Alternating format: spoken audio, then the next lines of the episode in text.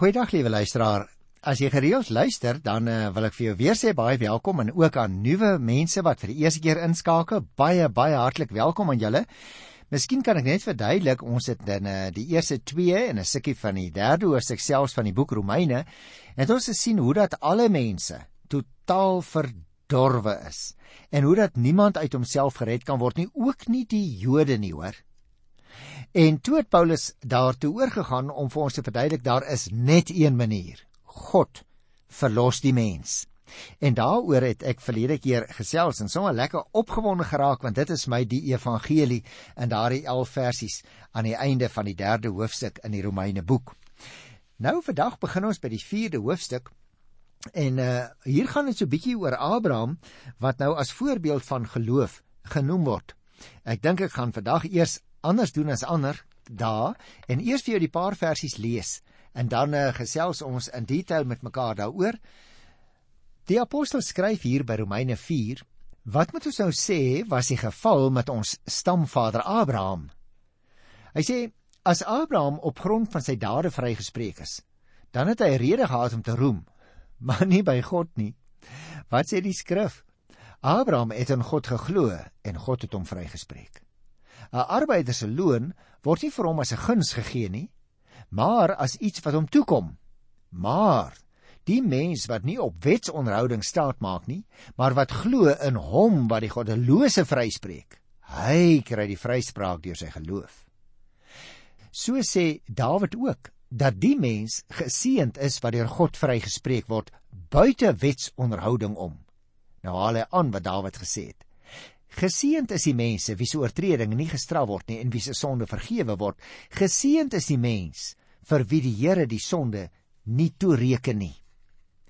Nou skryf Paulus, het hierdie uitspraak oor wie geseënd is net betrekking op besnedenis of ook op onbesnedenis?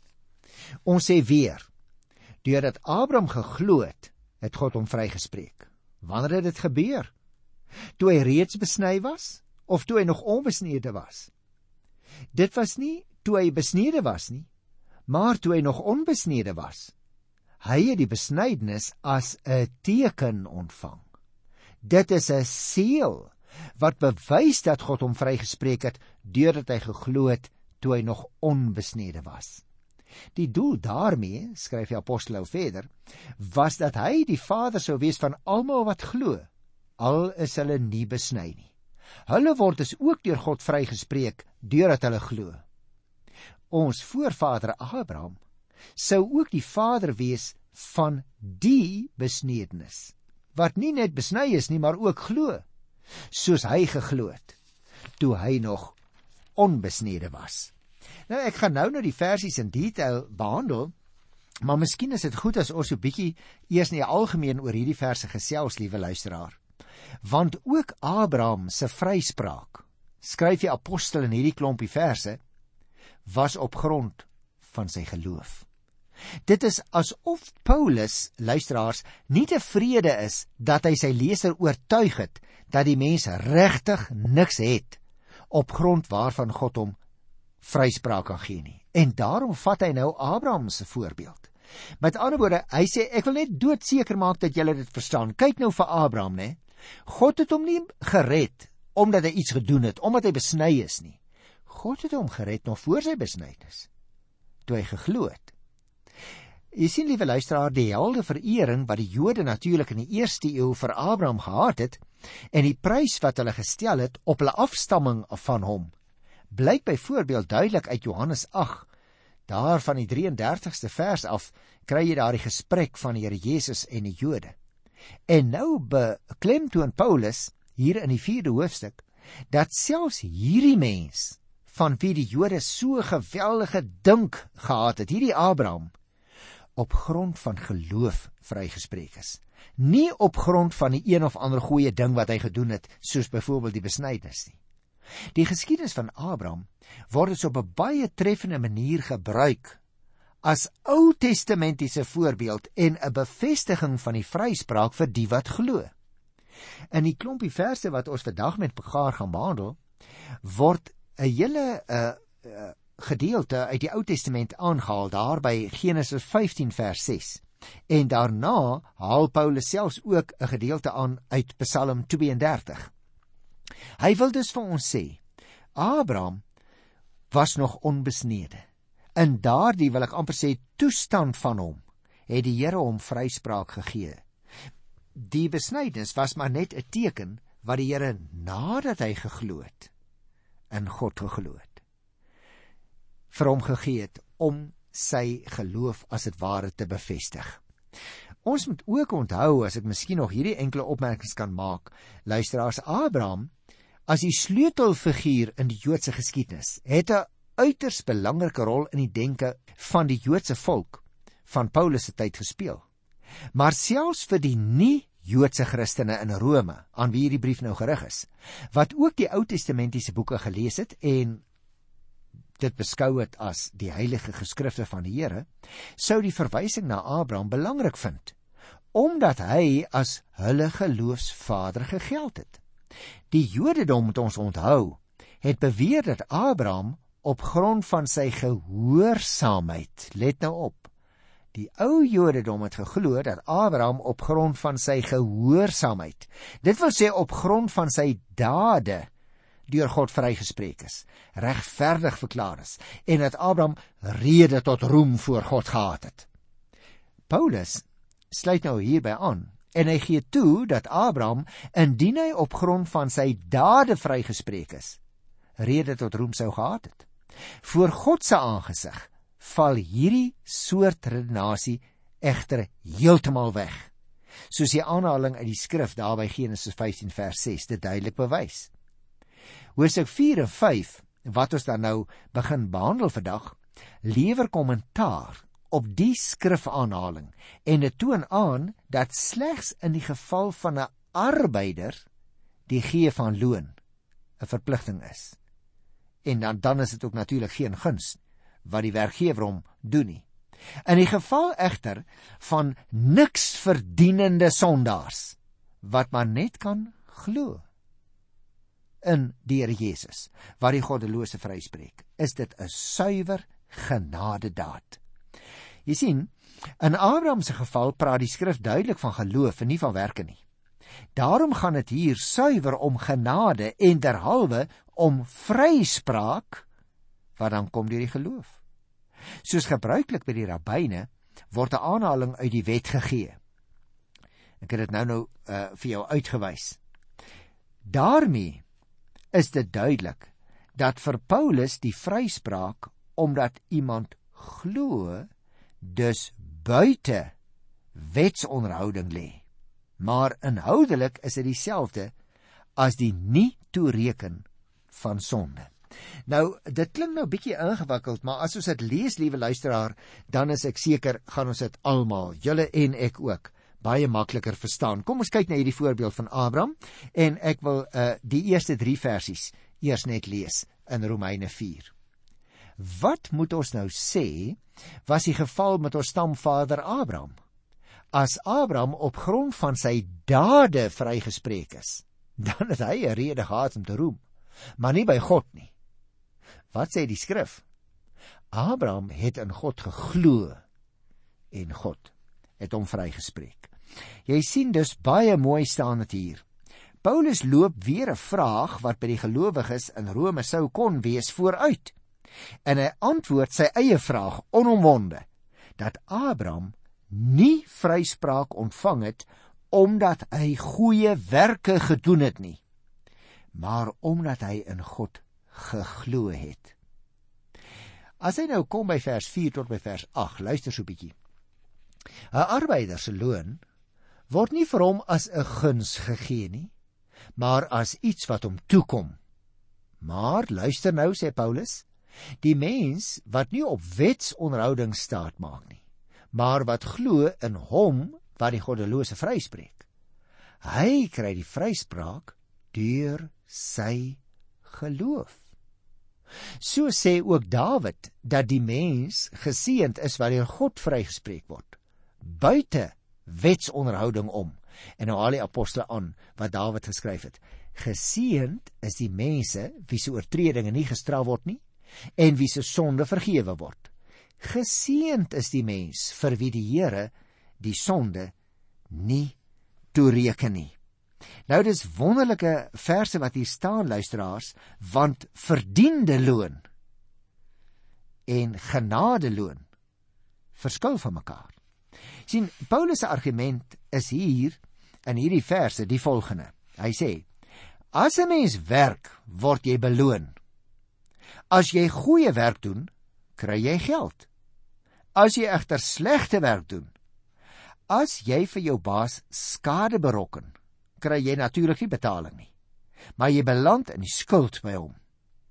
Nou in die voorafgaande gedeelte van die Romeine boek tot hier het Paulus klaar bewys dat die mense pogings om goeie werke te doen en so 'n beloning by God te verdien, die mens net al dieper en dieper in die skuld by God dompel. Hy sê die fout dat Abraham vrygespreek is, was dus nie sy verdienste nie, dit was God se genade. En daarom het hy aangehaal uit Psalm 32 om aan die waarheid hiervan uh, bewyskrag te verleen. Natuurlik, liewe luisteraar, baie mense is ook in ons tyd nog bang dat hulle die vryspraak gaan mis omdat hulle geloof te swak is. Ja, ou sou vir jou sê, ag, uh, Dominee Johan, ek ek ek hoop maar ek word gered, ek hoop maar ek word vrygespreek. En as jy hom vra nou, nou hoekom hoop jy dit maar net? Dan sê ag, my geloof is so swak. Nou sulke mense luisteraars maak eintlik van geloof 'n goeie werk. Hulle tree op asof hulle met hulle sterk geloof, as hulle dit sou kon gehad het, God se vryspraak sou kon verdien het. Ons moet dit baie goed verstaan, wil die apostel hê hier in die 4de 5de vers. Jou geloof is nie die rede hoekom God jou vryspreek nie, maar die geloof is die manier waarop jy die geskenk van die vryspraak aanvaar en dit jou eie maak. Ek wil weer hierdie vers uh eh, 6 tot 8 lees want ek is so bang ons verstaan dit verkeerd. Hy sê so ook Dawid dat die mens geseënd is wat deur God vrygespreek word buite wetsonderhouding om. En dan sê hy Dawid het gesê geseënd is die mense, luister nou mooi, geseënd is die mense wie se oortredinge nie gestraf word nie en wie se sonde vergewe word. Geseend is die mens vir wie die Here die sonde nie toereken nie.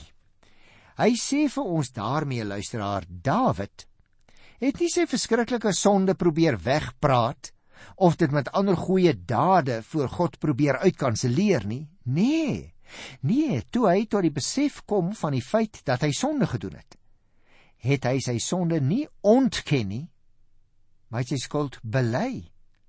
En toe het hy die vreugde van skuldvergifnis ervaar, sodat hy die woorde wat Paulus hier aanhaal kon skrywe. As jy dalk, liewe luisteraar, iemand is wat dalk al jare lank skuldgevoelens ronddra van wie die sonde wat jy gedoen het, volg Dawid se voorbeeld na en smeek jy die Here Laat my weer blydskap en vreugde belewe. Wis al my skuld uit. Jy sien luisteraar, dan sal jy die blydskap van vryspraak begin ervaar. Maar kom ons kyk nou hier van vers 9 af. Want hier gaan die apostel voort met sy argument. Het hierdie uitspraak oor wie geseënd is met betrekking op die bes, net betrekking op die besnedenis of ook op die onbesnedenis. Ons sê weer. Deurdat Abraham geglo het, het God hom vrygespreek. Wanneer het dit gebeur? Toe hy reeds besny was of toe hy nog onbesnede was? Dit was nie toe hy besny was nie, maar toe hy nog onbesnede was. Hy het die besnydenis as 'n teken ontvang. Dit is 'n seël wat bewys dat God hom vrygespreek het deurdat hy geglo het toe hy nog onbesnede was.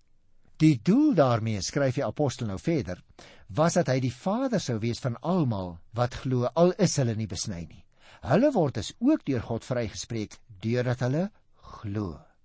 Ons voorvader Abraham sou ook die vader wees van die besnedenis wat nie net besny is nie maar ook glo soos hy geglo het toe hy nog onbesnede was. Nou, liewe luisteraar, Abraham het jy nou opgelet, het dus die vryspraak ontvang voordat hy nog besny is.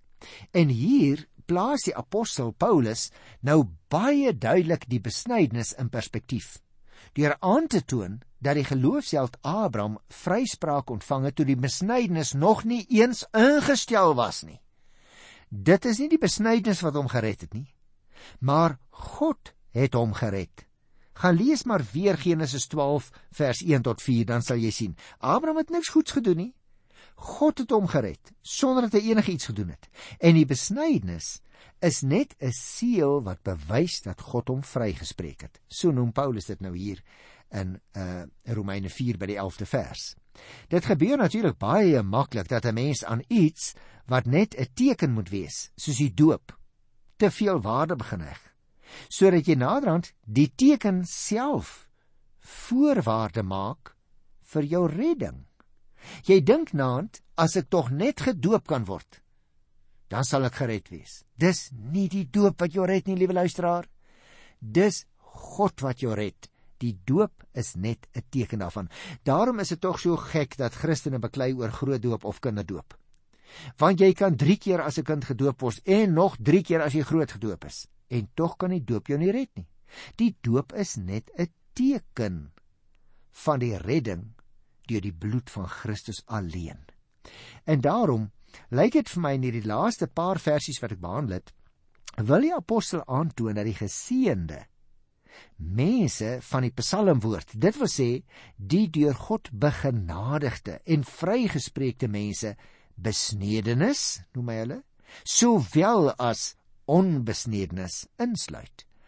Aangesien Abraham vrygespreek is toe hy nog onbesnede was. Jy sien liewe luisteraar, Die besnydenis is 'n teken en 'n seël. Dit is, kan ek sê, dis 'n plegtige bekragtiging van 'n reeds vooraf afgedane saak. Iets wat klaar plaasvind het. Abraham se vryspraak omdat hy geglo het.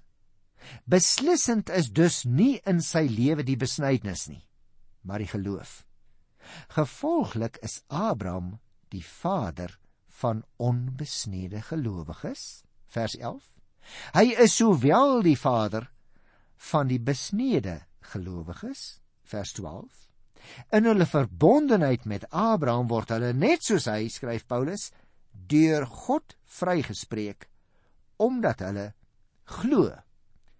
Nou volgende keer liewe luisteraar gaan ek so bietjie met jou uh, in die volgende paar verse dit wil sê vers 13 tot by vers 25 in eh, Romeine 4 gesels oor 'n ander aspek. Daar sal jy sien, ek wil dit net vir jou so lank noem sodat ons die verband kan sien. Daar tree God se beloftes aan Abraham op die voorgrond en word dan aangetoon dat hy die belofte nie op grond van wetsonderhouding ontvang het nie, maar omdat hy geglo het. Met ander woorde, dit wat Abraham uiteindelik van die Here ontvang het, naamlik die beloofde land. En ook sy nageslag het daarin gedeel. Was nie omdat hy die wet onderhou het nie maar was omdat hy die beloftes wat die Here hom gegee het in die geloof aanvaar het. En dit is 'n wonderlike ding dat ons dit mag weet. Jy en ek kan regtig niks doen om ons saligheid voor die Here te verdien nie. Ons kan net gered word omdat God ons uit genade red En daarom voordat ons vandag afstap van hierdie belangrike gedeelte, liewe luisteraars, wil ek net weer die verskil uitwys tussen sonde aan die een kant en verlossing aan die ander kant. Sonde hou in dat mens ongehoorsaam aan die Here is en aan dit wat hy wil hê en dat jy weier om jou lewe in te rig volgens sy vereistes. Sedert Adam en Eva al gesondig het, is dit elke mens se natuurlike geaardheid om God nie te wil gehoorsaam nie.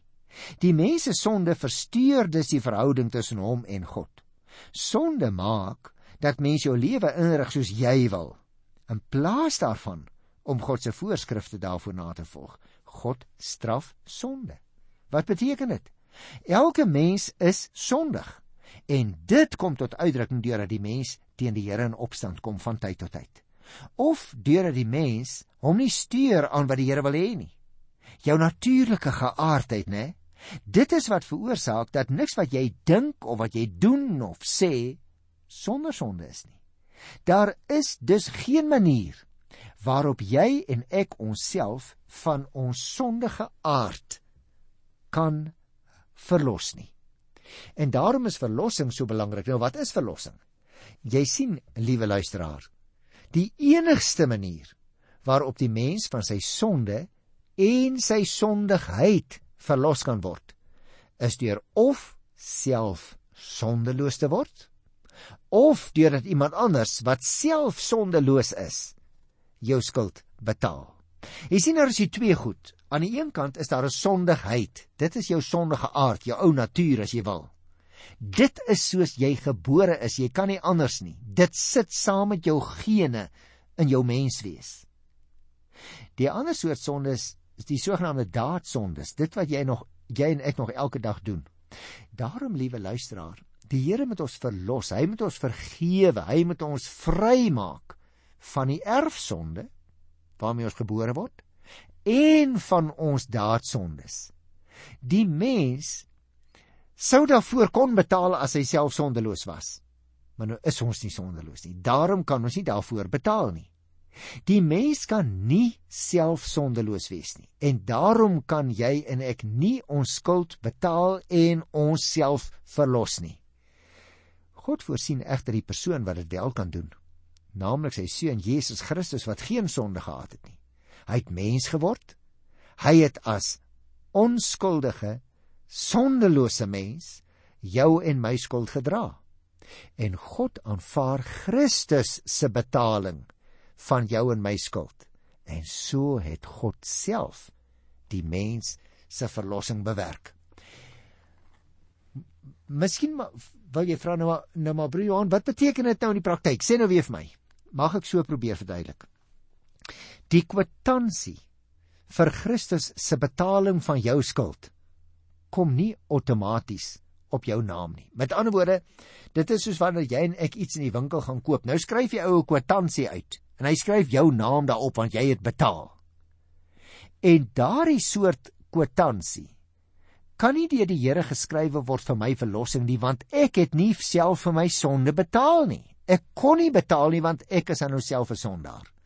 Die manier waarop die verlossing my deel gaan word is dat jy en ek in die geloof sal aanvaar dat Jesus betaal het vir my skuld en dat God in sy liefde en in sy genade Christus se betaling vir my.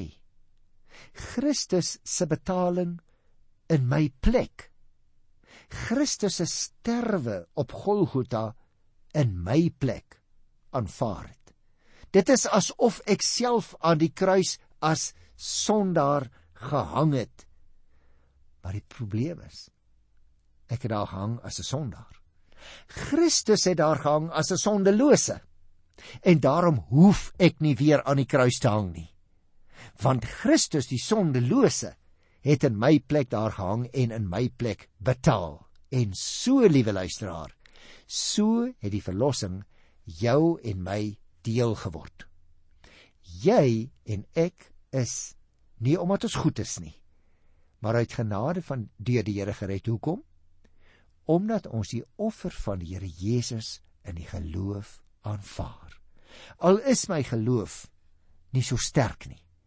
Al is ek nie so geloofsreus nie, maar ek aanvaar in alle kinderlike eenvoud die offer van die Here Jesus. Dan het ek die verlossing deelagtig geword, want die verlosser het my gered. Die klem op ons redding val dus nie op ons geloof nie, maar op Jesus Christus se offer wat ons aanvaar. Ek groet jou in sy wonderlike naam tot volgende keer. Tot dan. Totsiens.